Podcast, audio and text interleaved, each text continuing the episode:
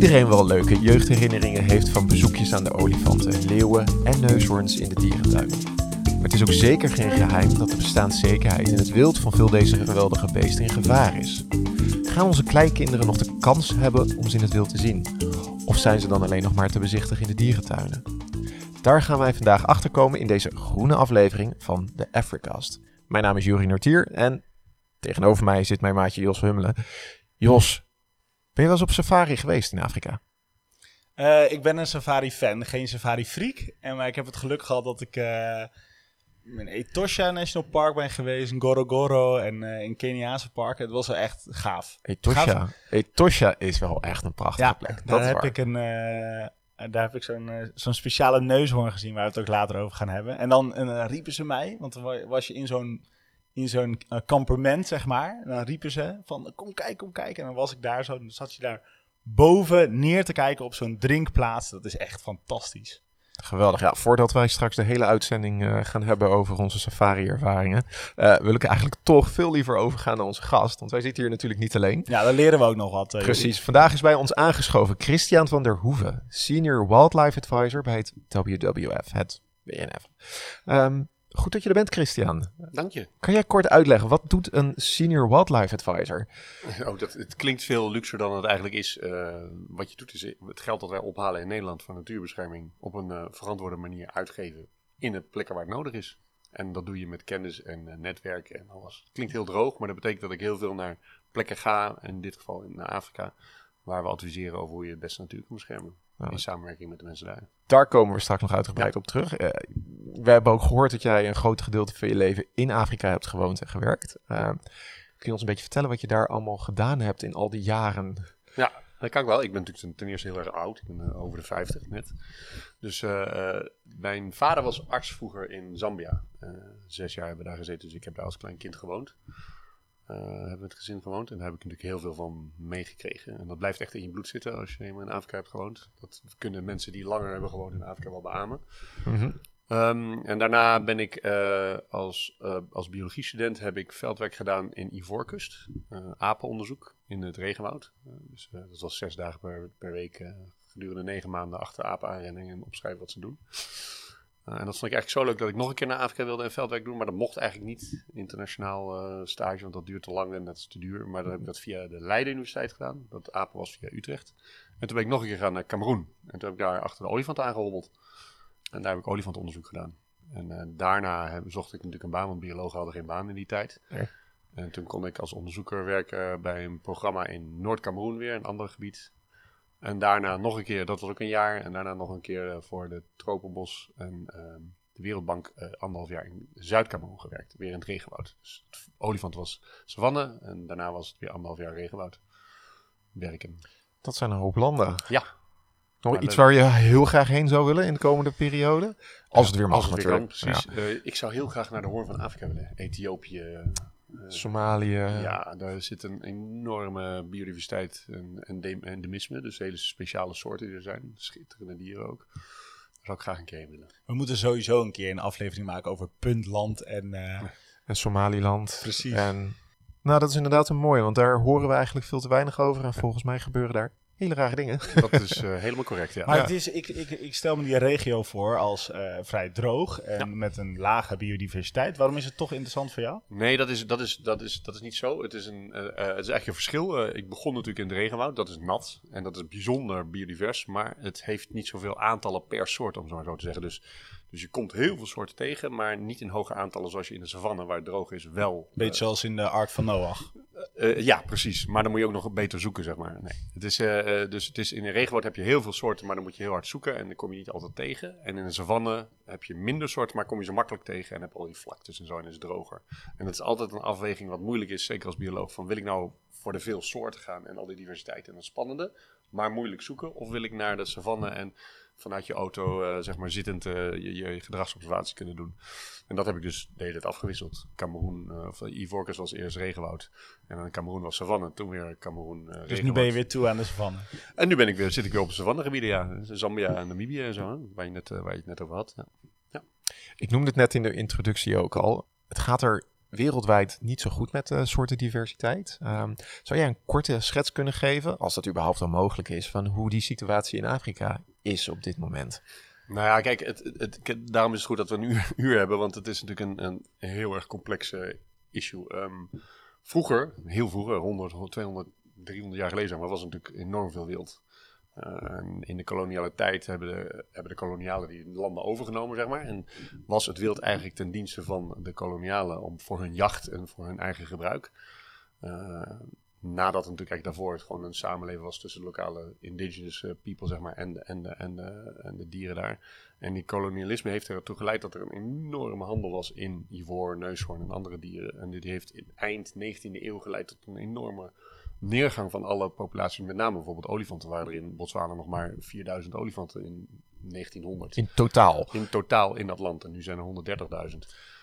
Dat is na, uh, nadat de kolonialisme min of meer af, afgenomen is en ze tijdens die koloniale periode ook nog hun gebieden willen beschermen voor hun eigen jacht, zeg maar, voor die rijke mensen, is die natuurbescherming erin gekomen als een soort middel om de natuur te beschermen. En toen is het langzaam omhoog gekropen, totdat ze dus in de jaren 60, 70 van de vorige eeuw te veel olifant hadden.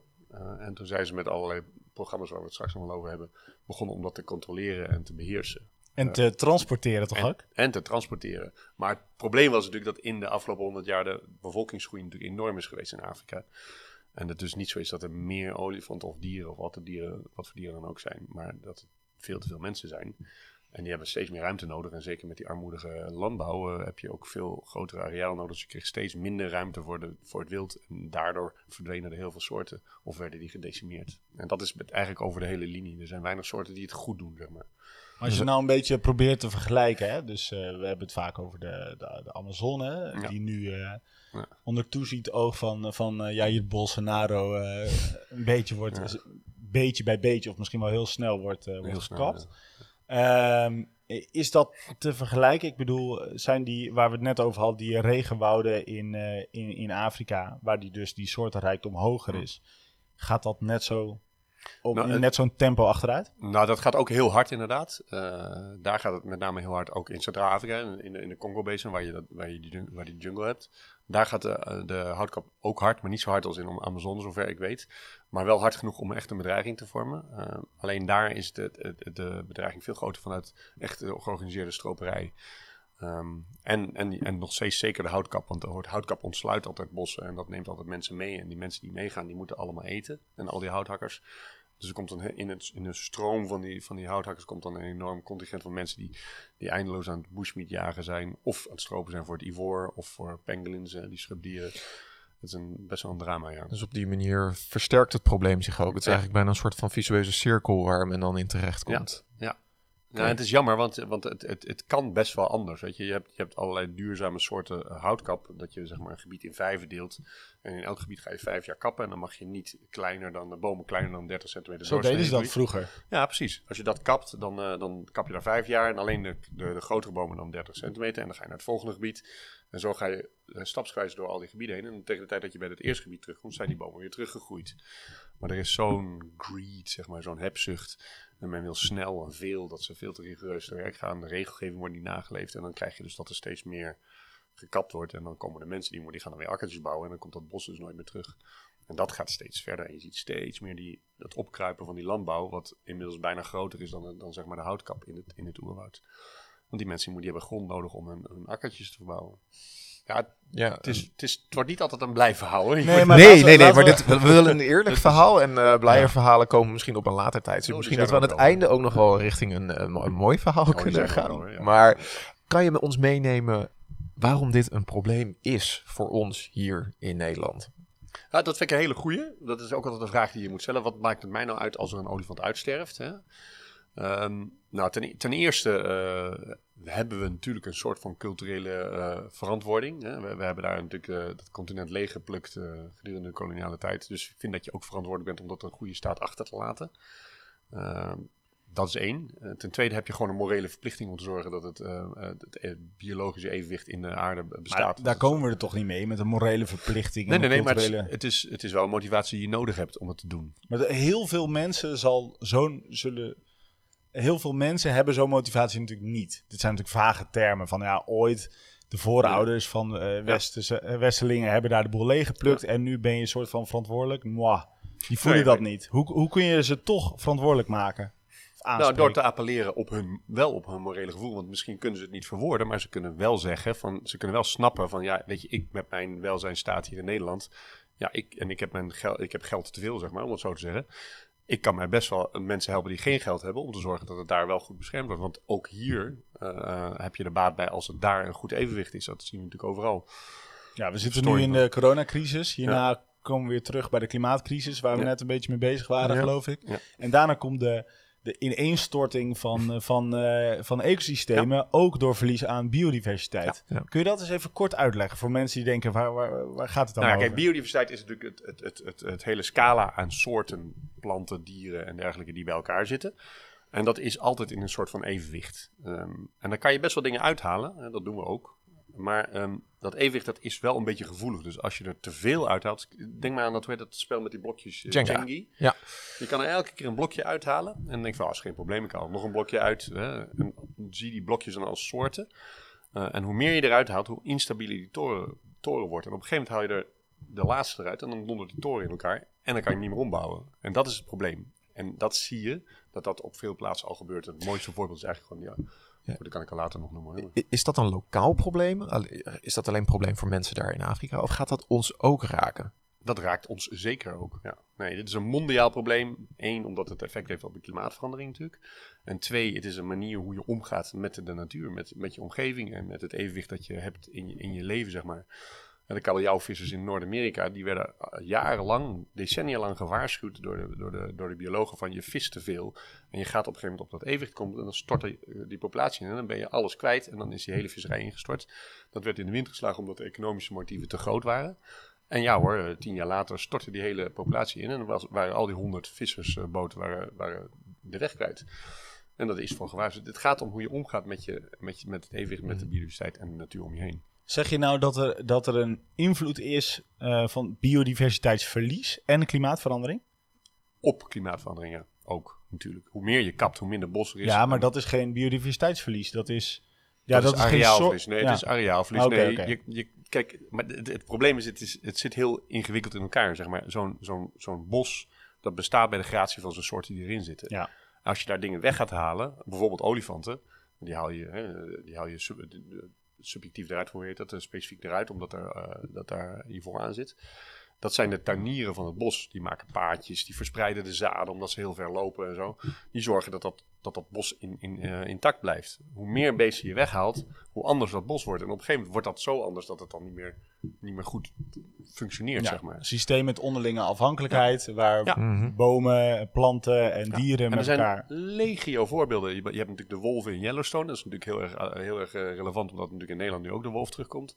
Dat hele landschap was veranderd doordat de wolf weg was. Want al die grazers en die, be- die beesten die, die, die, die weides openhouden, die houden die weides open, zorgen dat het bos niet terugkomt. Op het moment dat er wolf komt, dan verstoor je dat, dat gedrag van die, eh, van die grazers. Die gaan zich verstoppen en verandert het, het, landschap. En dat heet dan de, de landscape of fear, omdat ze zich gedragen naar angst. En door het wolf terug te brengen, krijg je een heel ander ecosysteem. Met als gevolg dat bijvoorbeeld er minder overstromingen waren van de rivieren, omdat die, die kanten goed begroeid waren. Dus die vingen dat water mooi op. Weet je, dus je haalt één soort weg en meteen gaat het systeem helemaal veranderen. En dat zie je overal. Dat zie je in de zee, dat zie je in de rivieren, dat zie je bij ons in de weidegebieden. Kan zo gek verzinnen, maar je moet het zien als een geheel. En dat je niet elke keer zegt, ja, maar maak nou één zo'n soort uit. Nou, te veel weghalen eh, heeft, heeft het effect. Dus je moet heel erg goed eh, daarvoor zorgen. Ja, ik vind het voorbeeld van die Jenga-toren wel een heel treffend voorbeeld. Ja. eh, omdat het daarmee ook aansprekend wordt. En wat ik ook wel merk is dat deze afhankelijkheid gewoon nooit bekend Nee. is. Er is een heel mooi praktisch voorbeeld, waar ik nog, nog één anekdote, want dat is wel leuk. Is eh, van Teunus Piersma, die eh, professor van de vogeltrek. Die heeft onderzoek gedaan naar grutto's die naar Afrika trekken. Dat, vandaar het bruggetje naar Afrika, wat natuurlijk leuk is. Die grutto's die trekken vanuit Friesland naar eh, West-Afrika, naar Senegal en zo. Nou, normaal doen de grutto's zeg maar twee legsels per jaar in Nederland. Dus die blijven vrij lang in Nederland voordat ze voor de winter terugtrekken naar, naar Afrika. Maar nou, door onze intensivering van de landbouw is er niet zoveel voedsel meer en kunnen ze maar één legsel zetten. Dat wil zeggen dat ze vrij snel klaar zijn met één broedsel. Hè. Zijn klaar met broeden. En dan gaan ze eerder terug naar, eh, naar Senegal. Maar in Senegal zitten ze in van die natte gebieden waar de rijstboeren hun rijst planten. En dat was nooit een probleem, maar nu ze vroeger terugkwamen, werd het rijst dat ze strooiden in die akkertjes, werd opgegeten door die, door die grutto's, want die verzagen dat gewoon als voer. Waarop die kerel zijn, hele zijn oog- oogst mislukt was. En die was dus verplicht om dan vervolgens al zijn rijst bij zijn huisje te planten met de hand, uit te graven met zijn hand en dan plantje voor plantje in zijn akkertje te planten. Dat komt dus doordat wij hier onze, onze landbouw intensiveren. En dan zie je dus wat voor evenwichten belangrijk is en hoe mondiaal dat die gevolgen daarvan zijn. Ja, heb je nog een ander voorbeeld in Afrika van een ecosysteem wat recentelijk echt is omgevallen, waarbij echt dat laatste steentje eruit is gehaald en het verkeerd is gegaan? Ehm, nou, je, je, met visserij is natuurlijk best wel een, eh, echt een probleem in eh, ook, ook West-Afrika, waar vroeger een soort van samenwerking was tussen vissers en dolfijnen daar. Die hadden een jaarlijkse soort migratievisserij, waarbij de dolfijnen de, de vissen naar de kust joegen. Dat waren bepaalde trekvissen volgens mij, ik weet niet precies meer hoe het zat. Ehm, en waar de vissers dan ook kwamen en die, die, die visten dan veel. En een deel van de, van de oogst gaven ze dan, eh, gaven ze dan terug aan, de- aan de dolfijnen als dank. En dat was een jaarlijks terugkomend ritueel. Die dolfijnen waren er dan niet in de rest van de tijd. Maar die kwamen alleen in die periode als die haringen of die grote scholen makreel daar langskwamen. Maar door, het, door, door, de, door de grootschalige visserij, industriële visserij die daar voor die kust is gekomen, Chinezen, maar vooral Europeanen en ook Nederlanders, hè, die vanwege de kokkelvisserij in de Waddenzee weg zijn gegaan en daar zijn gegaan. Ehm, het probleem verplaatsen is die, is die visstand daar ingestort en was er dus geen vis meer voor die dolfijnen om naar de kust te jagen. En dus, je- ze zagen nog de jaar, een aantal jaar daarna de dolfijnen komen naar de kust. En die vissers die wachten, maar was niks te vissen. Dus op een gegeven moment zijn ze allemaal weggegaan. En dat is dus opgehouden. Ook weer doordat er vanuit onze kant Ja. veranderingen zijn doorgevoerd die uiteindelijk het effect daar Ja. weer versterken. Of, dus, eh, ja. eh, met Jenga moet je om de beurt zo'n eh, zo'n blokje eruit trekken, hè? Ja. Eh, hoeveel, hoeveel spelers trekken er blokjes uit en eh, wie trekt de meeste eruit? Want je had het net over de Europeanen en, Ja. de, en de Chinezen. En dan gaat het specifiek over visserij. Ja, nou, het zijn natuurlijk met name de, de, de, de, de rijke landen. Dus inderdaad China en, en het Westen. en Ook op land. Ook op land. Eh, die, die houtkap die, die gaat niet naar de, naar de hutjes van de mensen die in de bush wonen natuurlijk. Eh, dat gaat voor de, voor de grootschalige timmer, eh, het hout, houthandel naar, naar Nederland voor je dukdal van je sluisdeuren en je, en je meerpalen. Ehm, het gaat voor de, voor de, voor de, in, in, Zuid-Amerika voor de sojateelt ook naar Europa voor onze, onze veestapel. Maar dat is daar natuurlijk al. Iedereen gaat erheen om die, om die, die grondstoffen te, te oogsten, zeg maar. En of het nou rubber is, of het nou palmolie is, want er is ook heel veel palmolieplantages. Eh rubber, palmolie, eh, hout, eh, nou, noem maar op. Eh, al, al die grondstoffen die zijn niet specifiek voor de, voor de Afrikaanse markt zelf. Natuurlijk, dat is, het, dat is jammere. En daarom vind ik dat je ook een verplichting hebt. Ja, ik blijf toch nog heel even in het negatieve hangen. Eh, Lekker. Je, Ja. moet, het, je moet het eerst duiden. Ja, daarom moet het probleem even, een goede, het probleem moet even goed eh, uitgelicht worden. Ehm, in 2018 overleed de laatste, in ieder geval het mannelijke exemplaar van de Ja. noordelijke witte neushoorn. Ehm, dat is flink in het nieuws geweest. Eh, Daar is veel aandacht aan besteed. Ja. Wat is de volgende grote soort die wij terug gaan zien op het NOS-journaal? Die gaat verdwijnen. Waar moeten we ons zorgen om maken? Ja, ik, ik vind dat verhaal van die noordelijke wi- witte neushoorn is een beetje een apart verhaal eigenlijk. Want die was eigenlijk al uitgestorven in het wild. Eh, zeg maar 15, 20 jaar geleden. Ehm, en dat is een beetje geruisloos gegaan zonder, omdat er niet genoeg aandacht voor was. En toen zijn een paar mensen hebben gezegd van... Kom, we doen nog een laatste poging. We halen de noordelijk witte neushoorn uit een aantal dierentuinen. En we zetten ze terug eh, daar in Opajeta in Kenia. En dan we, gaan we daar proberen ze te, te fokken zeg maar, op een natuurlijke manier. Maar eigenlijk wisten ze al dat dat nooit ging werken op een natuurlijke manier. Omdat ze te oud waren, te lang zonder en bla bla bla. Dus dat is eigenlijk vooral een, echt een media stunt, denk ik, om aandacht te creëren. Eh, en dat hebben ze ook goed uitgebreid. Op zich snap ik dat wel. Hè? Je kon dan voor 25 dollar de selfie met de laatste mannelijke white rhino. En daar hebben ze, dat geld hadden ze nodig om die soorten daar te beschermen. Maar het was eigenlijk dus al lang gebeurd. Dus al die aandacht, zoveel aandacht die er daar voor die soort was, vond ik lichtelijk misplaatst. Omdat er gewoon soorten zijn die nu nog in het wild zitten en op, om- op omvallen staan. En die aandacht gewoon niet krijgen. Nou, Dus- vertel, welke moet aandacht krijgen? Er luisteren duizenden mensen naar deze podcast. Ja, nee, heb je even. Joh, eh, het, het gaat om, eh, om, om gorilla's. Hè? Het gaat om, om, om de bonobo, de, hè, de kleine mensaap, eh, de chimpansee. Het gaat om eh okapi's in het regenwoud. Het, je kan het zo gek niet verzinnen. Met de, met de zwarte neushoorn gaat het nu ietsje beter. Het is een leuk programma wat we aan het steunen zijn. eh, waar het nu eigenlijk vooruit gaat, ondanks alle stroperij. Eh, ehm, eh, eh, de, de bosolifant die nu net gesplitst is hè, van de, van de savanne-olifant, die heeft het echt heel erg zwaar. er zijn diverse apensoorten die heel erg zeldzaam zijn. Het uh, dwergnijlpaard in West-Afrika. Sowieso is West-Afrika natuurlijk een, een groot drama, want heel weinig, echt heel weinig natuurbeschermingsorganisaties werken in West-Afrika. Waarom is dat? Uh, moeilijk, denk ik. Moeilijk. Uh, geen aandacht. Ja, lastig, weet ik niet. Hm. Okay, laat deze opzomming stoppen, alsjeblieft. Ja, precies. Maar, ja, want kunnen we nog even... we hebben het gehad over, zeg maar al die mensen, die, die, al die partijen die dan steeds maar weer een blokje weghalen uit die toren, totdat die uh, klapt. Laten we even inzoomen op die stropers. Wie zijn dat? Nou, dat hangt van wat voor stroper, uh, stroperij je het over hebt. Um, er, is, er, is een, er is een groot verschil tussen twee soorten stroperij. Je hebt de bushmeat stroperij, het, het, het wildvlees, gewoon voor de consumptie. Um, dat is meest door de lokale bevolking en door de arme mensen. Uh, ofwel voor eigen consumptie, of ze doen het soms voor commerciële. Uh, ja, ik vind dat eigenlijk, als ik dat een beetje heb gezien in die docu's, dan vind ik dat wel een soort eerlijke vorm. Hè? Want zij lopen zelf risico. Het gebeurt niet op hele grote schaal. Maar nou, tot, tot op welke hoogte is het toch? En het is niet op grote schaal, dat is, is niet waar. Want oh. ze zeggen, ze, die mannen zetten dan, want het zijn bijna altijd mannen, die zetten een uh, rij strikken, 500 strikken soms, uh, in een bos. En dan gaan ze één keer in de drie dagen kijken of er iets gebeurt. En, en er zijn onderzoeken geweest die heeft gekeken van ja, hoe, hoeveel halen ze nou op? En haal, kan je dat wel 500 strikken langslopen elke twee dagen? En dan blijkt dat inderdaad een heel groot deel gewoon sterft in die strikken en wegrolt, omdat ze gewoon niet langslopen. Dus het is, het is, altijd, het is altijd genuanceerder dan je denkt. Um, maar in principe is bushmeat wel natuurlijk een onderdeel van uh, je, je landgebruik. En als je dat goed reguleert, kan het best wel. En je moet die mensen ook natuurlijk eten geven. Die mensen moeten gewoon eten hebben. Maar er is soms een iets wat verkeerd beeld van de Afrikaan dat hij super hongerig is en uh, graadmager en, uh, en hij is zielig en hij moet eten. Nou, in, met name in die oerwouden, um, daar zijn ook onderzoeken naar gedaan, blijkt dat die mensen vaak meer dan 150, 200 gram vlees per, per dag eten. Dat is, dat is significant. Veel. Dat is ja, heel dat veel. En dat is ook helemaal niet nodig. En de vraag is dan, hoe komt dat dan? Nou, dit is een beetje de perceptie, hè, op, specifiek op bushmeat dan, dat die mensen zeggen van ja, um, ik Weet je, ik, als ik iets kan vangen, dan eet ik het. En ik moet het nu vangen en ik moet het nu eten, want ik weet niet wat er morgen gebeurt.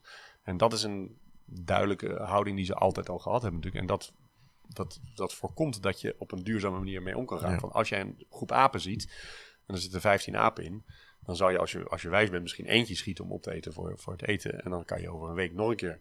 Maar deze mensen schieten dan zoveel mogelijk, eten er eentje op en de rest verkopen ze. En dan de volgende dag doen ze precies hetzelfde. Dus de hoeveelheid jacht is te veel. Dat moet gewoon gereguleerd worden.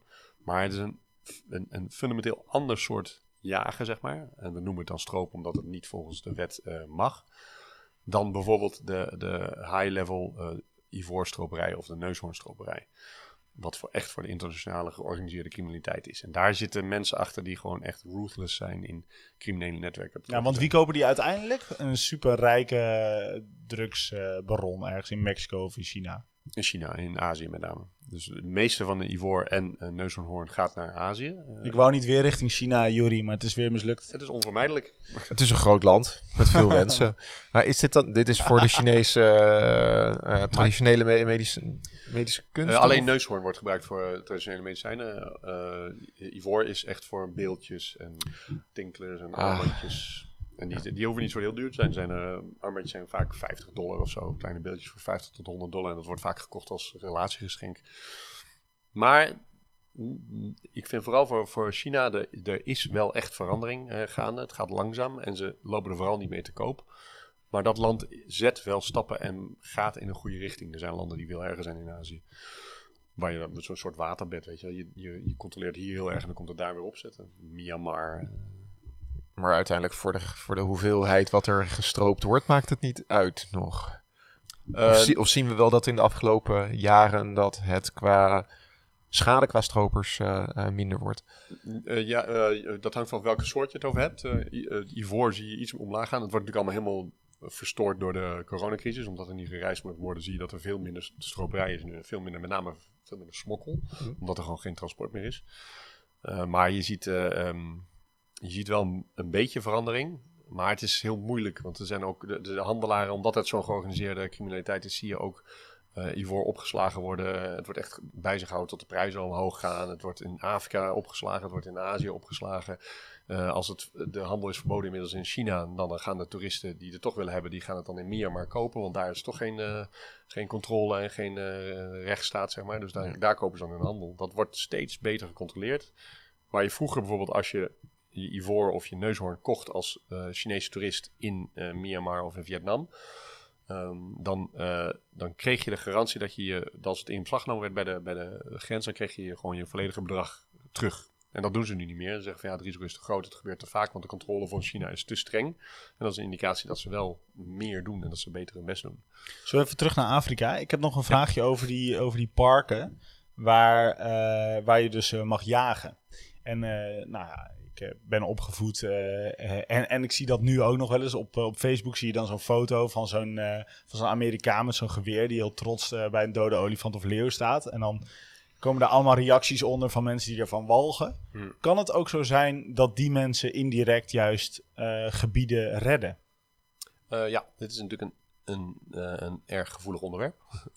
Om maar zo te Ja, zeggen. dan vraag ik het ook aan jou. Ja. Zeker voor een organisatie zoals wij, waar, waar wij, waar wij leunen natuurlijk op een grote achterban met een uitgesproken mening vaak.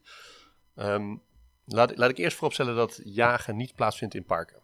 Per definitie niet. Zeker in Afrika niet. Nationale parken zijn daar ook echt nationale parken. In tegenstelling tot ons hoge Veluwepark in Nederland, wat een aparte status heeft. Ehm, wat natuurlijk sowieso raar is, maar goed. De parken daar mag niet gejaagd worden. Als er gejaagd wordt, wordt het vaak in jachtzones gedaan die vaak om die parken heen liggen. Dan heb je een soort poolfunctie. dat die parken func- functioneren als een pool. En als er dan te veel zijn, die gaan dan naar de gebieden buiten.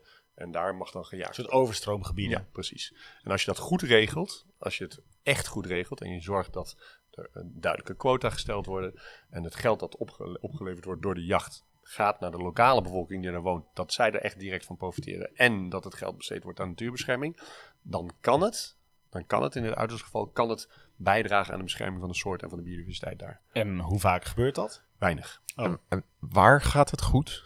In Namibië. Namibië. En waarom gaat het in Namibië goed? Omdat ze daar eh, de, het omgedraaid hebben. Waar het normaal is als ik, eh, als want meestal zijn westerlingen of rijke lokale, eh, lokale lui. Ik lease een, een, een gebied om daar te jagen. Dan krijg je een quotum van, voor een aantal soorten. En dan betaal je gewoon, je betaalt gewoon huur zeg maar, voor, voor je gebied. En je betaalt per geschoten dier. En het idee is dat het, je verdienmodel is, je nodigt een jager uit, die komt dan, eh, die komt dan daarheen en zegt van ik wil een, dat noemen ze dan een kleine safari, dat is zeg maar retjes tot een uh, zeg maar zo groot. Of je hebt een grote safari en dat zijn buffels eh, tot olifanten zelfs en leeuwen. En daar, daar staan prijzen op, die betalen een, een standaardprijs voor de jacht. En dan moeten ze daarna daarbovenop betalen voor de, elke dier dat ze geschoten hebben. Nou, al dat geld dat daarin omgaat, dat is best veel geld. Want een kleine jacht is zeg tussen de 10.000 15.000 dollar. En een grote jacht kan echt oplopen tot, tot 60, 70.000 dollar. Dat geld dat gaat eigenlijk via die, die operator, die leaser, dus mij, gaat het naar de staat. Want hij moet naar de staat afbetalen, de, de, de taxes, zeg maar, de, de belasting. En dan zou de staat moeten zorgen dat het geld daar vandaan terugkomt naar de instellingen die die gebieden beheren. Bijvoorbeeld het Nationale Park die die En zit daar de crux? Daar zit de crux. Want naarmate je van de overheid naar de, naar de provinciale overheid, naar de gemeenteoverheid, naar het park gaat. Hè, dat park dat die, dat die overstroom moet regelen. Of naar de beheer van, die, van het jachtgebied. Dan is er bijna niks meer over. Dan blijft er hier en daar wat plakken En dan in de blijft er hier en daar behoorlijk wat plakken. En dan komt er bijna niks terug. Dus die bevolking ziet niks terug van dat, van, van dat geld. En die is dus niet gemotiveerd om daar te helpen en die, die, die, die dieren te beschermen. Oké, dus voorwaarde is een goed werkende overheid. Dat is Heb, je, heb jij wel eens gejaagd eigenlijk? Eerlijk zeggen, want je bent een liefhebber, dat kan ik zien in je ogen. Maar heb je wel eens wat geschoten? Ik heb wel eens een parelhoen geschoten, ja. Je, en je kijkt er een beetje schuldig bij. Ja, het is, ik moest eten en ik zat midden in de bush. Ja. Oh, echt? Ja, ja. Maar ben je dan alsnog, voel je alsnog schuldig? Dan moet je toch gewoon Het is, nooit, het is nooit echt leuk. Het is, het is niet leuk natuurlijk. Het is, eh, er zit natuurlijk een soort, een soort primaire oerdrift in een man natuurlijk om, eh, om jacht, denk ik. Dus ik vermoed dat ook bij die, eh, bij die trofeeënjagers. Om dat toch leuk te vinden om iets te schieten, zeg maar. En als het functioneel is, dan kan ik dat begrijpen. Ga je ook met tegenzin eh, jagen in Namibië als je die kans krijgt? Nee, ik ga niet jagen in Namibië. Ik heb dit één keer gedaan omdat ik echt, Nee, echt maar als het kan en het draagt wat bij. Nee, dan, ik, ga dat, nee, ik kan dat niet. Nee. Ah. Voor, je lol, nee, voor je lol bezig schieten. Ik snap, ik snap echt niet dat mensen dat, dat echt doen. Nee.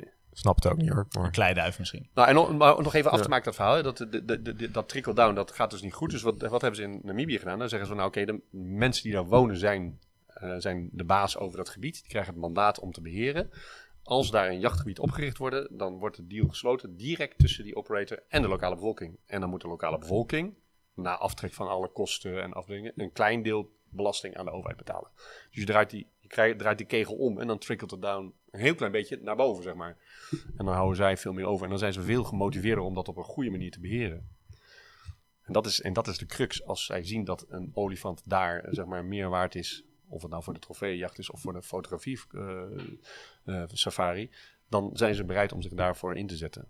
Terwijl als er geen geld terugkomt, en dat is overal in Afrika natuurlijk zo. Als er geen motivatie is, niks uitkomt voor de lokale bevolking. En natuurlijk het meest cruwe is in Zuid-Afrika. Ik weet niet of je in Zuid-Afrika bent geweest Ja. Het Krugerpark, weet je, die mensen die er omheen wonen zijn straatarm. Het enige wat ze zien zijn die, die dikke, rijke witneuzen in een luxe four-wheel drives die, die gewoon voorbij scheuren en dat park in gaan. Ja, gênant hè. Ja. En dan al zeggen we, ja, het is zo'n fantastisch park en fantastisch Jij vindt het niet zo'n fantastisch park? Nee, ik vind het park fantastisch. Daar Nee, maar dus hierom niet.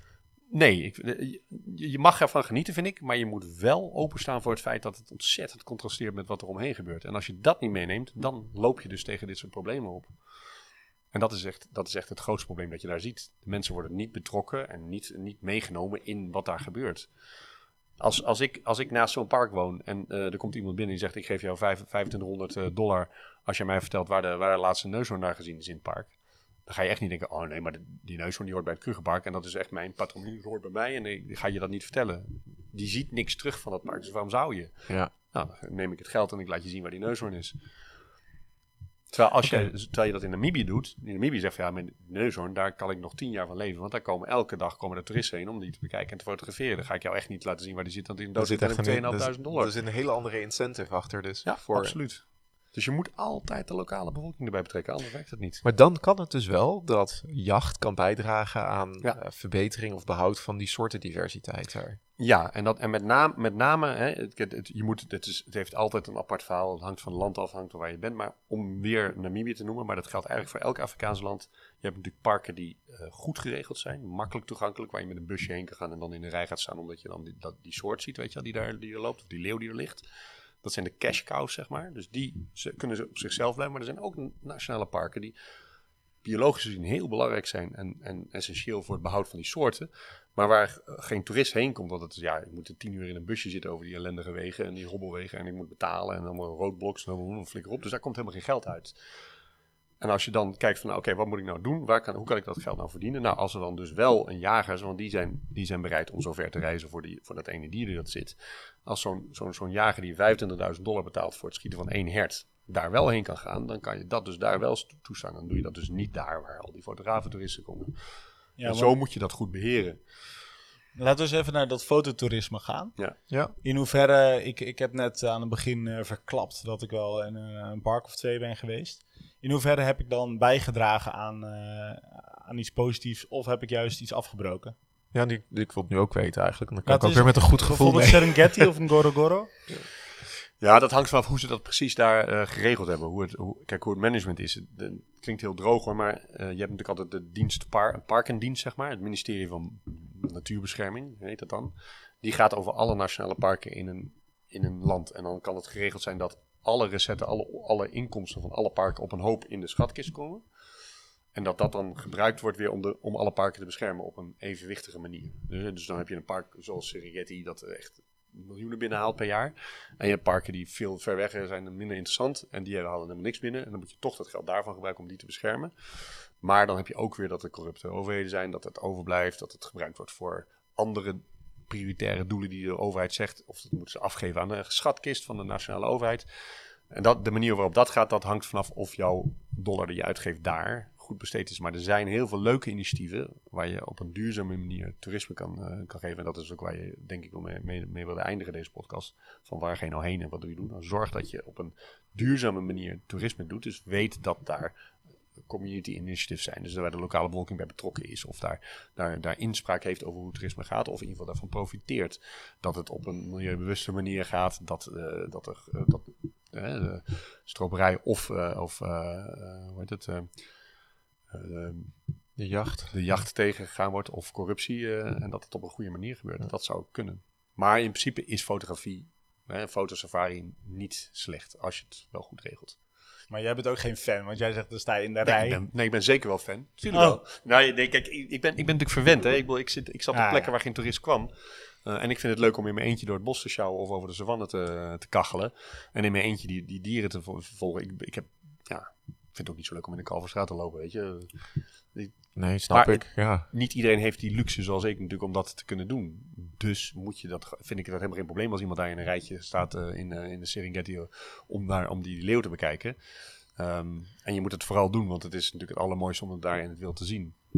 Want Nederlandse eh, dierentuinen, eh, bijvoorbeeld Burger Zoo of Burger Zoo, Ja. maar ook eh, ja, gewoon eh, dierenliefhebbers die zeggen, ga het, nou, ga het nou zien met je eigen ogen, ga het nou meemaken, of het Hm. nou in Arnhem is of op de Serengeti, Hm. want dan ga je het waarderen. Ja. En dan trek je misschien ook op, een- op, een, eh, op een bepaald moment wel de portemonnee voor het eh, Wereld Natuurfonds. Ja. Werkt dat zo? Dat is een argument die de dierentuinen vaak gebruiken. Een educatief motief. Alleen het probleem is vaak dat, dat weet je, heel veel van, en zeker die grotere dieren, dat is gewoon niet een natuurlijke manier waarop ze eh, gehuisvest worden. Dus je ziet gewoon niet natuurlijk gedrag. En om dan, wat de, gelukkig gaan de, dierentuin daar steeds verder van weg. Met name bijvoorbeeld Artis zie je dat, die hadden echt gewoon een collectie dieren. Elke kooi een beestje. Je had zo'n arme, arme jaguar die dan in een hokje van, van 6 bij 6 zit. Om maar te laten zien aan, aan het publiek. Ja, tegenwoordig met de schitterende natuurfilms en documentaires en alle interactieve dingen die je kan zien, vind ik het niet meer nodig om zo'n dier levend in een kooitje te stoppen zodat je hem kan zien. Ja, ik kan daar gewoon helemaal niet tegen. Kijk, als je, als je, dan, als je dan zoiets wil doen, en je doet het zeg maar, om, want dat is ook een van de redenen waarom dierentuinen bestaan, is om, ze, om bedreigde diersoorten te fokken. Zodat als hij dan eventueel uitsterft in het wild, dat je ze dan weer terug kan brengen. Nou, dat hoeft helemaal niet. Spendeer dat geld nog gewoon aan de soorten die er nog in het wild zitten. En dan, dan kan je altijd nog op het laatste moment zoiets doen. Ah, Ja- Jane Goodall zei volgens mij, eh, hè, die is net als jou, eh, net als jij ging die achter apen aan. Ja. Ja, haar hele leven zo ongeveer. Ja. Die zei, als je als aap kan kiezen, passé bijvoorbeeld kan kiezen tussen leven in een bos met gevaren en leven in een dierentuin, Ja. dan weet ik wat die aap kiest. En Ja. die gaat eh, lekker in Arnhem zitten. Ja, dat is een, dat is een hele goeie. Die had, ik, die had ik nog niet gehoord. Nee, dat is wel, dat is wel waar en dat is ook leuk. Ehm, maar, maar, maar dan nog, weet je. En je kan, je kan het ook, hè. De Burger Zoo is natuurlijk beroemd om zijn, om zijn, eh, om zijn chimpansee groep die, die, die onderzocht is en waar we toen een beroemd mee zijn geworden. Maar, maar dan nog, dan nog, weet je. Als je, als je mensen wil enthousiasmeren voor, voor de liefde voor de natuur, dan, dan doe je dat natuurlijk op basis van wat, wat zij dan natuurlijk ook doen, hun natuurlijke gedrag. En dat is niet zo'n heen en weer wiegende olifant in een kooi of een rondjeslopende tijger in een, in, een kooi. Ehm, en daarom wat ik zei, die ontwikkeling is wel oké hoor. Uh, Emme doet het ook volgens mij, dat je steeds, steeds meer teruggaat naar een paar goede soorten op een veel mooiere manier, natuurlijke manier weergeven. Ik zeg gewoon van, joh, uh, probeer nou gewoon vooral die, die dieren in, in, het wild te beschermen. Dat kan ook wel. En daar kan niet iedereen heen, dat weet ik. Maar zorg dan dat je die, die informatie en, en het laten zien beschikbaar maakt voor het grotere publiek op een bepaalde manier. Ja. Voordat we naar jouw column uh, gaan, had ik eigenlijk nog een andere vraag van een andere uh, bedreiging. En dat heeft, dat heeft te maken met de landbouw. Ja. Um, volgens mij noemde je het net ook al in het begin. Landbouw zorgt ervoor dat mensen dichter weer bij dieren in contact komen. En dat kan natuurlijk ook risico's met zich meebrengen. Absoluut, ja. Um, ik denk dan gelijk aan uh, grote grazers die geschoten worden omdat ze uh, het gras van de koeien van de boeren zelf uh, opeten. Maar ook de roofdieren die azen op de verschillende grazers. Is het, is, wordt dit probleem nog nu steeds groter en wat is een oplossing hiervoor? En dat is eigenlijk, eigenlijk uh, ik denk dat dit het allergrootste probleem is in Afrika op dat moment. Okay. Uh, de groeiende populatie die allemaal ook uh, voedsel nodig heeft. En je krijgt dus enorm veel slash and burn. En omdat het allemaal van die arme gronden zijn, hebben ze veel nodig en moeten ze na een paar jaar weer verder gaan. Dus je krijgt steeds meer ontbossing. Slash and burn is, is, is het kappen ja, van het bos. kappen van bos en dan branden. verbrand je de, het hout, waardoor de, de voedingsstoffen die in dat hout zitten in de grond blijven. Maar die is dan nog steeds na twee, drie jaar is die dan uitgeput. Want dan de, je haalt die groen, grondstoffen eruit doordat je de, de, de groente oogst, zeg maar. Ja, en dan ga je vervolgens door naar dan het ga je volgende door en perceel. dan, en dan komt okay. onkruid op. En dan na drie jaar is er weer een beetje genoeg om nog net weer even een armoedig uh, veldje op te, op te bouwen. Dus dat is een hele erg intensieve manier van landbouw die heel veel ruimte nodig heeft. En je ziet dus dat, dat heet dan encroachment. Um, ik weet niet, dat het niet goed Nederlands woord, woord voor. Dat je dus steeds meer in inteert op de natuurgebieden, de wilde gebieden. Die niet per se een nationaal park zijn, maar gewoon wel de gebieden waar ze van nature voorkomen. Dus je krijgt steeds uitbreiding van de menselijke Oké, dus de, randen van de natuurgebieden worden eigenlijk afgeknabbeld. worden afgeknabbeld en die worden steeds kleiner. En die, de dieren die er zijn, worden in, moeten in een steeds kleiner gebied leven. En die, krijgen, die komen dan natuurlijk automatisch in conflict met de mensen. En dat zijn met name olifanten. Eh, en inderdaad grote grazers die, die, die dan eh, al moeite hebben om voedsel te zoeken in soms een droge periode. En die zien dan zo'n akkertje met lekkere verse mars, maïs. En die gaan dan natuurlijk dat gewoon helemaal opeten. Maar dit is een lastig dilemma, Ja. ook voor milieubeschermers. Want je wil aan de ene kant wil je die dieren beschermen, aan de andere kant wil je natuurlijk ervoor zorgen dat de hongersnood in Afrika, zoals dat dan tussen aanhalingstekens genoemd wordt, eh, opgelost. eh, Ja, maar wordt. dat doen we ook. Dus er zijn, er zijn bijvoorbeeld manieren om die landbouw veel duurzamer te maken. En, en een voorbeeld is, dat noemen ze conservation agriculture. En dat is eigenlijk heel simpel. Is, eh, het is gewoon een fysieke andere manier van, van, van landbouw. In plaats van dat je zeg maar vorens trekt, hè, hele lange, lange, lange greppels en daar gewoon een beetje zaad in gooit en dan weer dichtgooit en wacht op de regen. Doe je een klein kuiltje graven en daar gooi je twee, drie zaadjes in en dan doe je een klont eh, koeienmest bij. En daar geef je water in. En, omdat, en je gooit dat niet dicht. En omdat het open blijft, blijft de regen daarin in zitten. En dan blijkt dus dat je met een derde van het originele eh, grondgebied dat je nodig hebt voor je oogst, met een derde evenveel productie draait. En dan heb je dus minder, minder, minder grond nodig. En soms heb je zelfs hogere productie. Nou, dat proberen we te stimuleren door die mensen dat te leren hoe je dat doet. En dat dat dan als een golf zeg maar, zich uitbreidt. Dat is een voorbeeld waarbij je probeert die, die, die landbouw te intensiveren. Maar het gaat ook op de manier waarop je je landgebruik plant. Ehm, er, zijn, er, zijn, er zijn ontzettend conflicterende ontwikkelingen natuurlijk gaan. Want men wil zich ontwikkelen. Hè. Je ziet hem bijvoorbeeld ook weer in Namibië, maar dan in het, helemaal in het oosten, oostelijk gebied. Dus zeg maar bij de Zambezi, bij, bij de Victoria Falls en zo. Nee, Capri, Caprivi strip. Ja, Ja, dat. precies. Dat Precies. heette, dat heette vroeger de Caprivi-strip. Dat heet nu de Zambezi region. Ah. Caprivi is natuurlijk een oude koloniale naam. Ah. Heel, heel apart tongetje, hè, dat Ja. land. Heb je Ja. altijd begrepen waarom ze dat daar hadden? Ja, het is een mooi verhaal.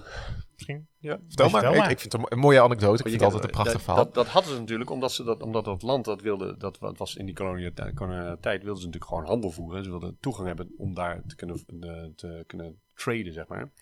En ze wilden toegang tot de Zambezi hebben, want de Zambezi gaat natuurlijk naar Oost-Afrika. En dan konden ze via Oost-Afrika daar hun goederen vervoeren. Dus via, dat, via dat stripje hadden ze, hadden ze toegang tot de, de Zambezi. Alleen ze hadden geen rekening gehouden dat daar de Victoria Falls lagen. Dus dat was Kleine een barrière. Kleine barrière, dat Ja. is niet zo handig.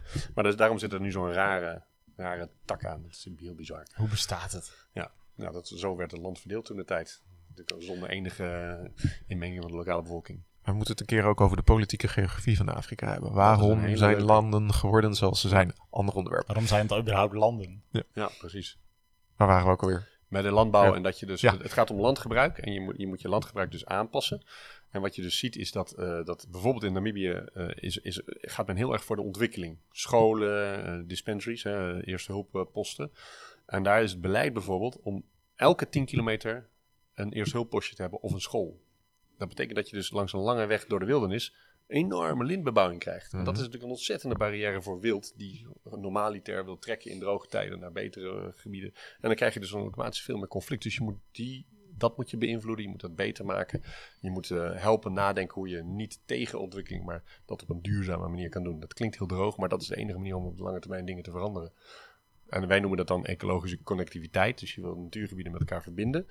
En de essentie daarop dan weer is het is niet, eh, je moet niet na, de hele nadruk leggen op het conflict tussen de mens en de dier. Zo'n mens moet met een dier kunnen samenleven. Dus het samenleven van een mens met een dier moet voor hem een, een overweging zijn, een soort economisch model zijn. Het moet niet zoals nu zijn, altijd conflict en ik heb alleen maar nadeel van dieren.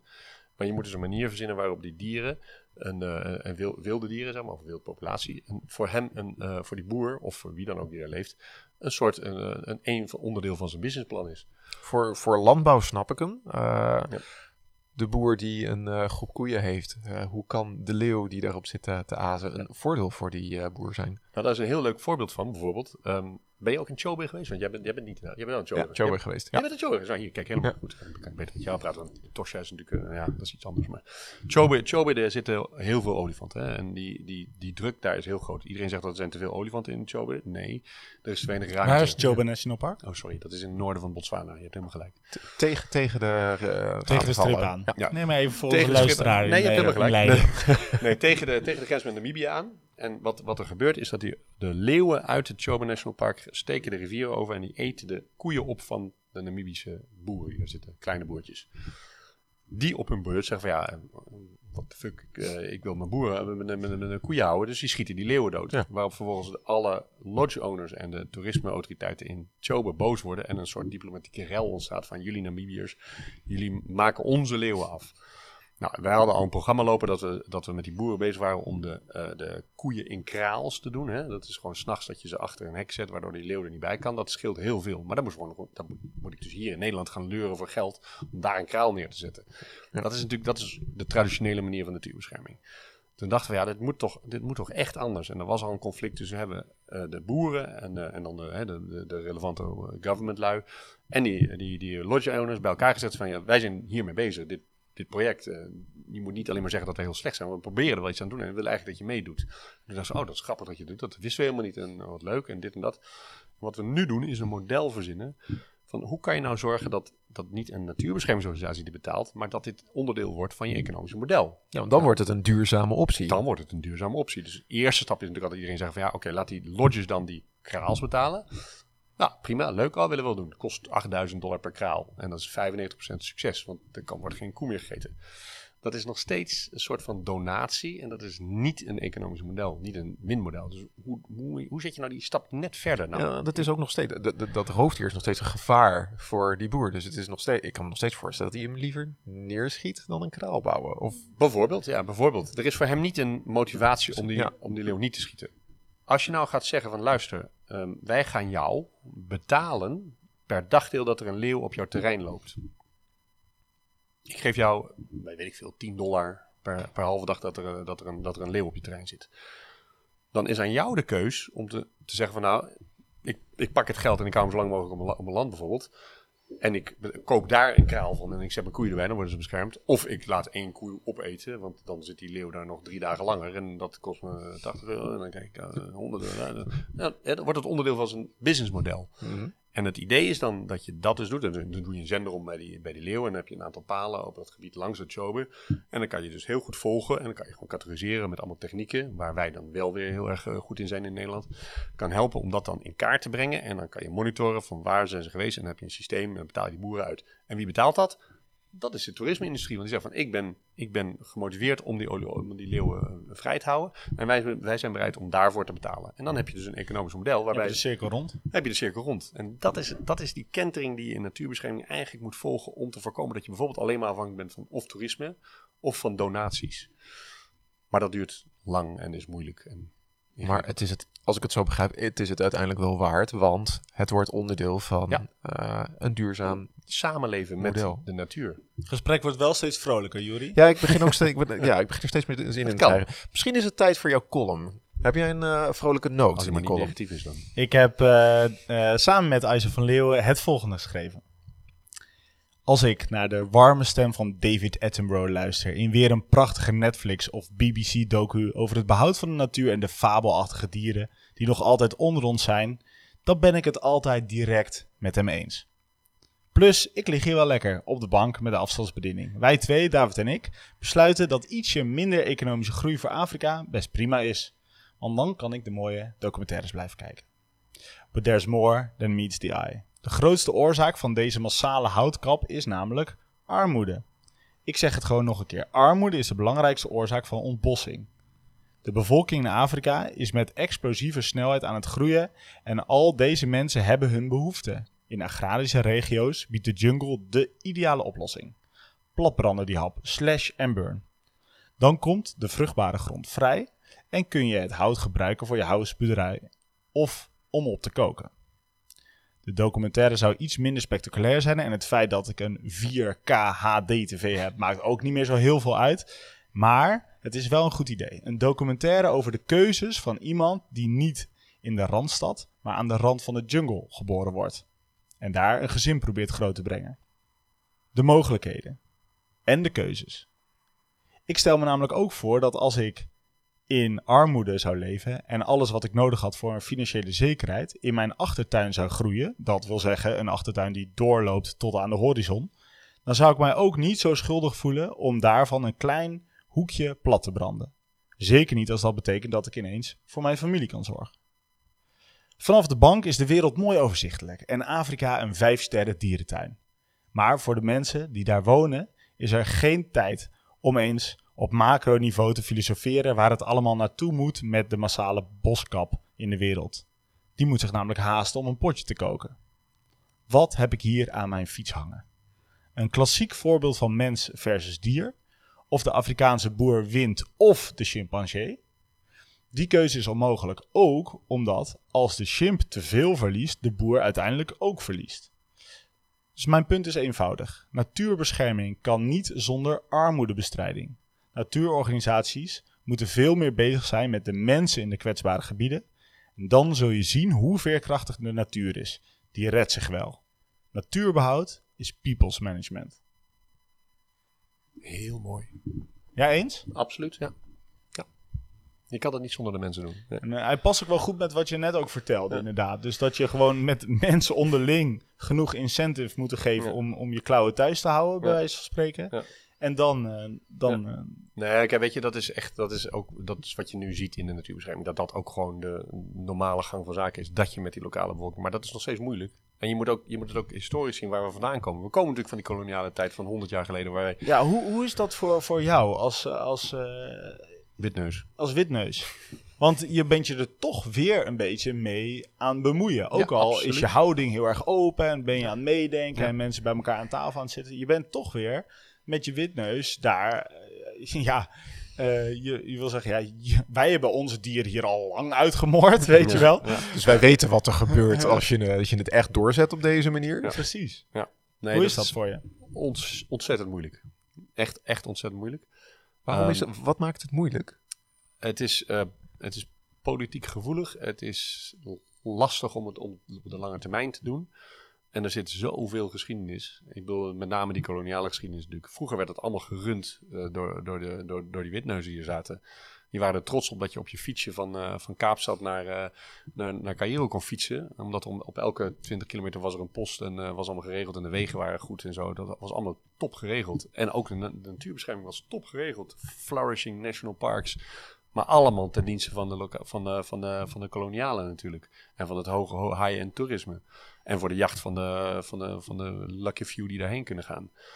En om dat te veranderen, eh, dat is langzamerhand veranderd. En toen kwam er natuurlijk steeds meer bevolking bij. Maar toen kreeg je dat er te weinig ruimte was en te veel olifanten. En toen gingen ze in de jaren 60, 70 gingen ze echt percentages van kuddes afschieten om maar te zorgen dat het nog beheersbaar was.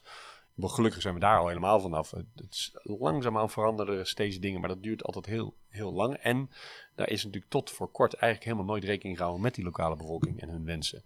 Omdat het nog steeds kolonies waren. Nou, en dat proces van dekolonisatie, dat is al een heel ingewikkeld proces. Dat zie je natuurlijk met name in Zuid-Afrika. Hoe dat gaat en wat je nodig hebt om te zorgen dat het echt, echt een lokaal gedreven programma, een proces wordt, is dat je mensen opleidt en zorgt dat zij de, de, de handhaving hebben. En het gaat dan dus niet of de, het management hebben.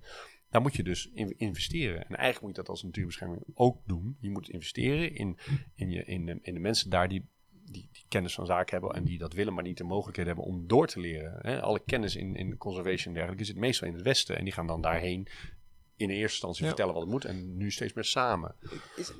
Dat hele natuurbescherming, is dat echt iets wat alleen vanuit eh, westerse landen wordt geïnitieerd? Of zie je ook steeds meer lokale initiatieven? Eh, Je, je ziet wel steeds meer lokale initiatieven, eh, natuurlijk. Maar vaak zijn ze gestoeld op het klassieke natuurbeschermingsbeleid dat wij ontwikkeld hebben.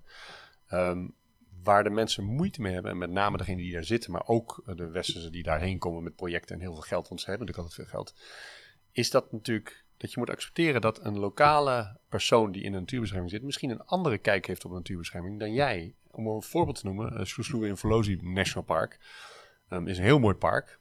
En de, de, de parkmanager, zeg maar, de directeur van het park, die had een heel mooi huis bovenop een heuvel in het park. Dat was zijn plek. Een mooie plek natuurlijk, je, je geniet ervan.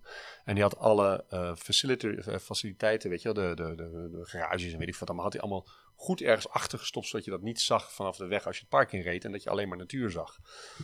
De huidige baas van het park, dat is een Zuid-Afrikaan, een zwarte Zuid-Afrikaan, die zegt, ja, weet je, ik wil gewoon in de stad leven. Ik wil niet in die bush leven. Die bush is voor arme mensen en eh, daar heb ik niks te zoeken. Dus die laat dat, dat luxe pand daar liggen. En die heeft ook geen problemen met, met vuil en een, en, een, en een garage naast, naast, naast de weg. Wie ben jij dan om te zeggen dat is verkeerd? Hè? En, en moet je dat dan accepteren? Moet je dat laten gaan? Want je krijgt natuurlijk wel die rijke, rijke Nou, ik Amerikanen. ben, die ik ben twee mensen. Ik ben eh, ten eerste de toerist die dat Ja. gewoon vies vindt, dat Ja. vuil en die uh, garage niet hoeft te zien. Ja, heb ik een meer natuurlijke beleving. En ten tweede is het ook mijn wereld. Hè?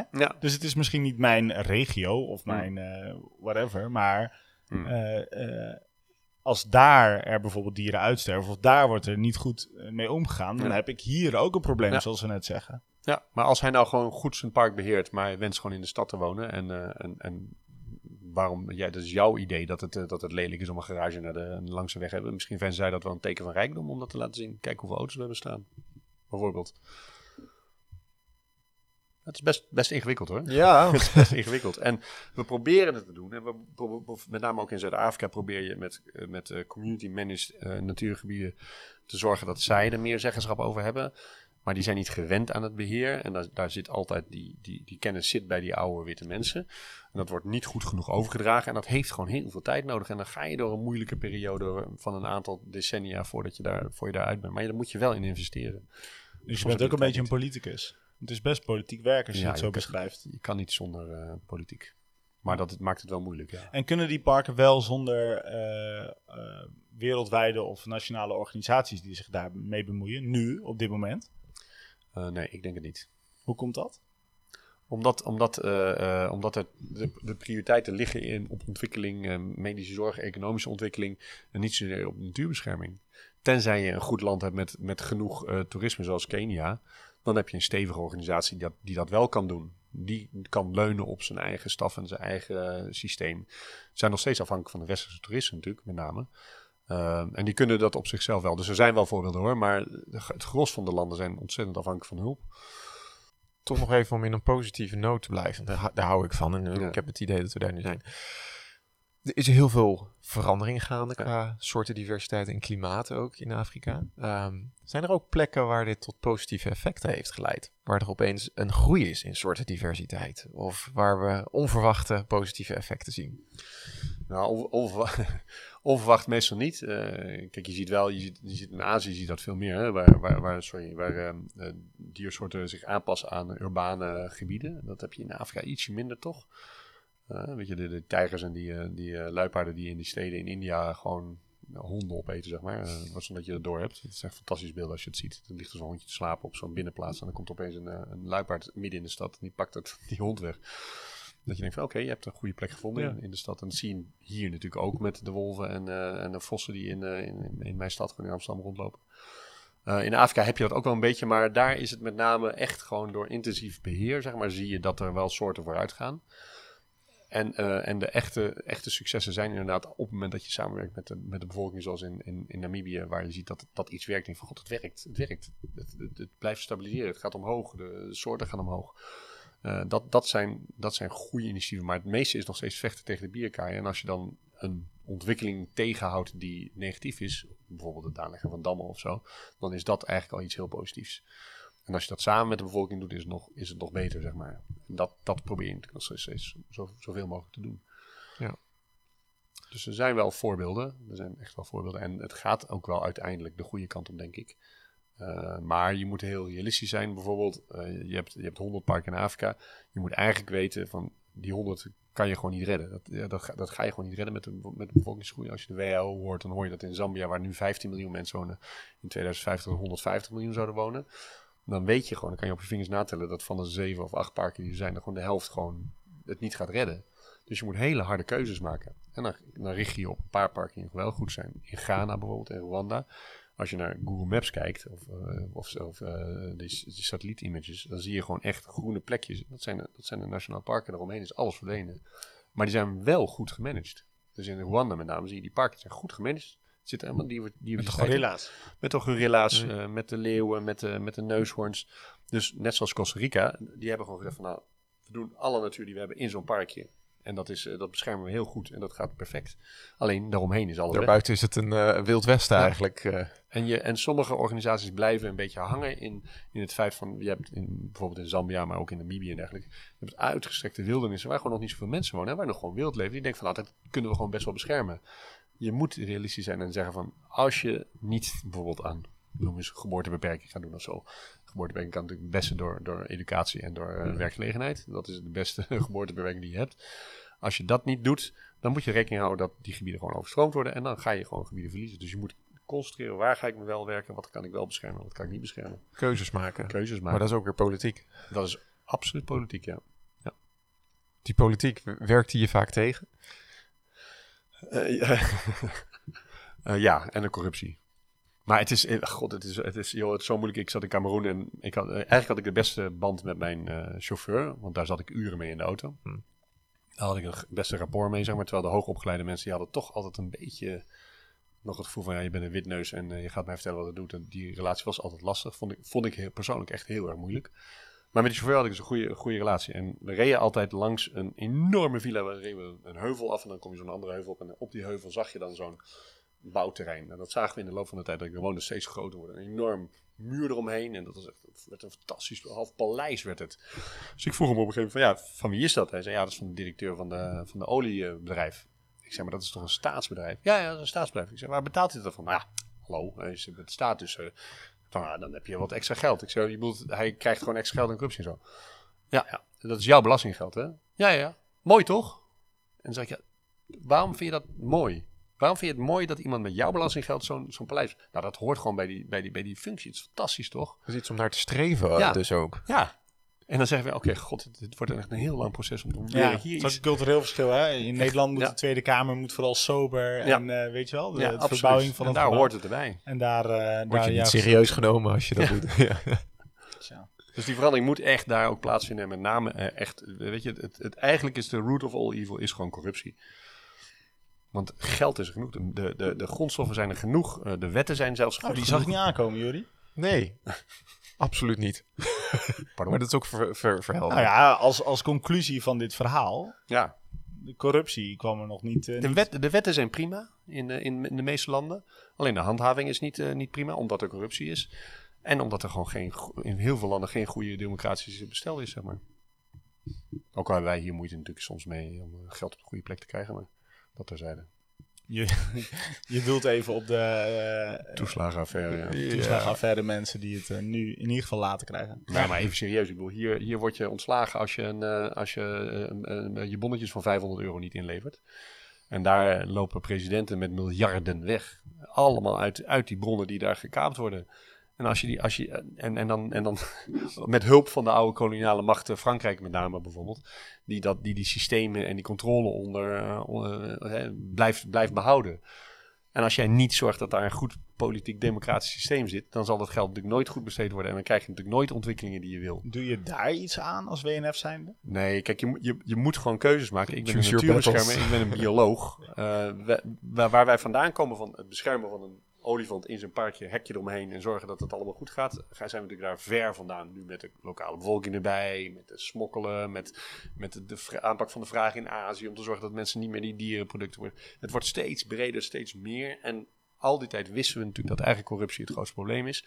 Nou, kunnen we daar wel iets aan gaan doen, maar er zijn natuurlijk anderen veel beter in. Er zijn organisaties die daar veel beter in. Dus wat je doet, je gaat dan samenwerken. Dus Wereld Natuurfonds werkt dan samen met dat soort, dat soort organisaties om daar informatie aan te leveren. Om te zorgen dat bij UN een speciale gezant wordt voor wildlife crime. Eh, het is een beetje gevoelig soms dat je zegt van ja, wildlife crime is soms eh, verstorend voor de samenleving.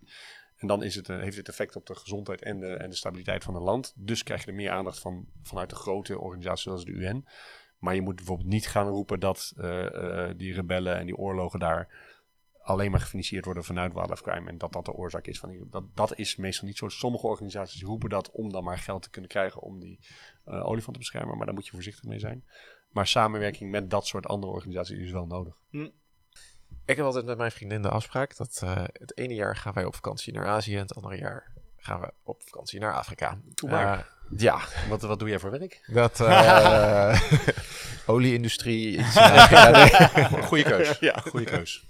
Nee, ehm, en straks is die coronapandemie weer voorbij. Ja. En we moeten weer naar Afrika. Moeten, tussen aanhalingstekens. Zo. Het wordt weer tijd. Als ik nou echt naar een natuurgebied wil gaan eh, en daar ook met een goed gevoel eh, weg wil gaan en wil weten, wil leren, wil zien hoe natuurbescherming echt effectief is. Waar moeten we heen gaan? Hmm. Ja, het, hangt ook een beetje af wat je wil zien. Wil je de Big Five aftikken? Wil je genieten van de landschappen? Wil je de cultuur snuiven? Wil je de- Alles. Al, eh, Ja. alles. Oh ja, natuurlijk. Kie, maak een keuze voor mij. Ik, eh, ik zou zeggen, ga naar Namibië en ga naar die conservancies. Die de, door lokale com- communities georganiseerde eh, landschappen. Maar dan heb je niet de, de overvloed van, eh, eh, van Serengeti. Eh, je hebt wel mooie, schitterende landschappen. En eh, je krijgt ook nog als cadeautje een hele rare Duitse koloniale geschiedenis daar. Dan kom je in Swakopmund en dan zie je daar tientallen gedenkstenen voor de gevallen Duitse soldaten nog heroïs opgezet. Dat je denkt van, wat gebeurt hier? Dat heb je ook nog, maar als je dan het veld ingaat, dan moet je die plekken kiezen waar het echt 100% gerund wordt door de communities. En je weet dat je geld daarheen gaat. En dan zie je één zwarte neushoorn en dan zie je één giraf. En dan zie je misschien nog twee aapjes. Je ziet niet die kuddes genoes die over die rivier gaan, waar je dan je plaatje kan schieten en zeggen, been there, did it, done it. Maar je moet bewust kiezen dat je geld daar het beste terecht komt. Dus ik zou zeggen Namibië. En kies de duurzame reisorganisatie, want die zijn er ook. Ik dacht al, ik moet nog een keer naar Namibië. ik heb er te veel gemist. eh. Je was er al geweest. Ja, maar dus alleen naar de grote parken. En eh, dit heb ik niet meegekregen. Eh, ook omdat ik toen niet wist hoe ik dit kon vinden. Nee, dat is ook een probleem. Daar proberen we ook aan te werken. Er is geen keurmerk, er is Nee, niks waarvan ik kan zien, dit is een eh, goed gerund. Nee, dat proberen, we, dat proberen wij bijvoorbeeld ook te stimuleren. Eh, we doen dat bijvoorbeeld in de, in de bovenwindse eilanden, of benedenwinds, wat is het, Aruba? Benedenwinds. Beneden, benedenwinds, dankjewel. Ja, ik ben er nooit geweest, sorry. Dus die- dat je daar zorgt dat, dat, op, dat daar een keurmerk komt, dat je weet als je heen gaat dat het goed is. Dat je daar gewoon geen zorgen over hoeft te maken. Je moet het niet zelf kunnen uitzoeken. De toerist moet kunnen zeggen van, kunnen zien van, hé, hey, dit is duurzaam op dit en dit, dit vlak. En dat zou moeten gebeuren, maar dat doen wij nog niet genoeg, niet in Afrika in ieder geval. Maar er zijn er volgens mij wel initiatieven, dus dat is even spitten toch nog. Nog even de moeite ervoor doen, maar dan eh, kunnen we het vinden. En je weet hoe belangrijk het is na deze aflevering. Nou, ik weet inderdaad hoe belangrijk het, het is en hoe belangrijk het ook moet gaan worden. Dus ehm, Maar er zijn Dit ook gaan we meenemen, Maar ja. er zijn ook conservancies in Kenia, hè, waar je ook eh, terecht kan. en daar ben ik dan nog nooit geweest. Ja, dus het dat is is altijd wel iets duurder. Eh, het is iets duurder, want je moet iets verder reizen. Het is dus niet inderdaad die trekpleisters. Ja. Maar dan moet je gewoon even, dan moet je gewoon een oogklep opzetten. Dat doe ik ook altijd. Eh, zet even een oogklep op en ga naar je plek en geniet dan van wat je daar ziet. Mhm. En je gaat natuurlijk met de fiets heen, hè? Je bent jong en eh, fit, toch? Ja, zoals ik oud en Nee. in ieder geval jong. Ja, in ieder geval jong, ja. fietsen. Dan zijn we aan het einde gekomen van deze zevende aflevering alweer. Eh, je kunt al onze podcast naluisteren via bijvoorbeeld Spotify of elke andere podcast-app. Eh, laat dan ook gelijk even een review achter. Ehm, je kunt ons namelijk ook mailen. Stuur je vraag of suggestie dus naar afrikastpodcast.gmail.com. Een lange e-mailadres, ik doe het nog een keer. afrikastpodcast.gmail.com. En wij horen graag wat jij van, eh, van deze podcast vindt. Bedankt voor het luisteren naar de Afrikast. Christian, ontzettend bedankt dat je erbij was. En ontzettend bedankt voor je uiteindelijk toch positieve verhaal. Ja. Dat was leuk om te doen, dankjewel. uitnodiging. Jos, tot over twee weken. Dan zijn we er weer met weer een nieuwe aflevering. Ehm, deze keer gaan we over het managen van gigantische projecten op dit prachtige continent hebben. Hoe doe je dat? Hoe ga je dat samen doen? Zijn er veranderingen? Is, is het anders dan bijvoorbeeld in Nederland? Gaan we het over twee weken horen. Tot dan. Tot dan.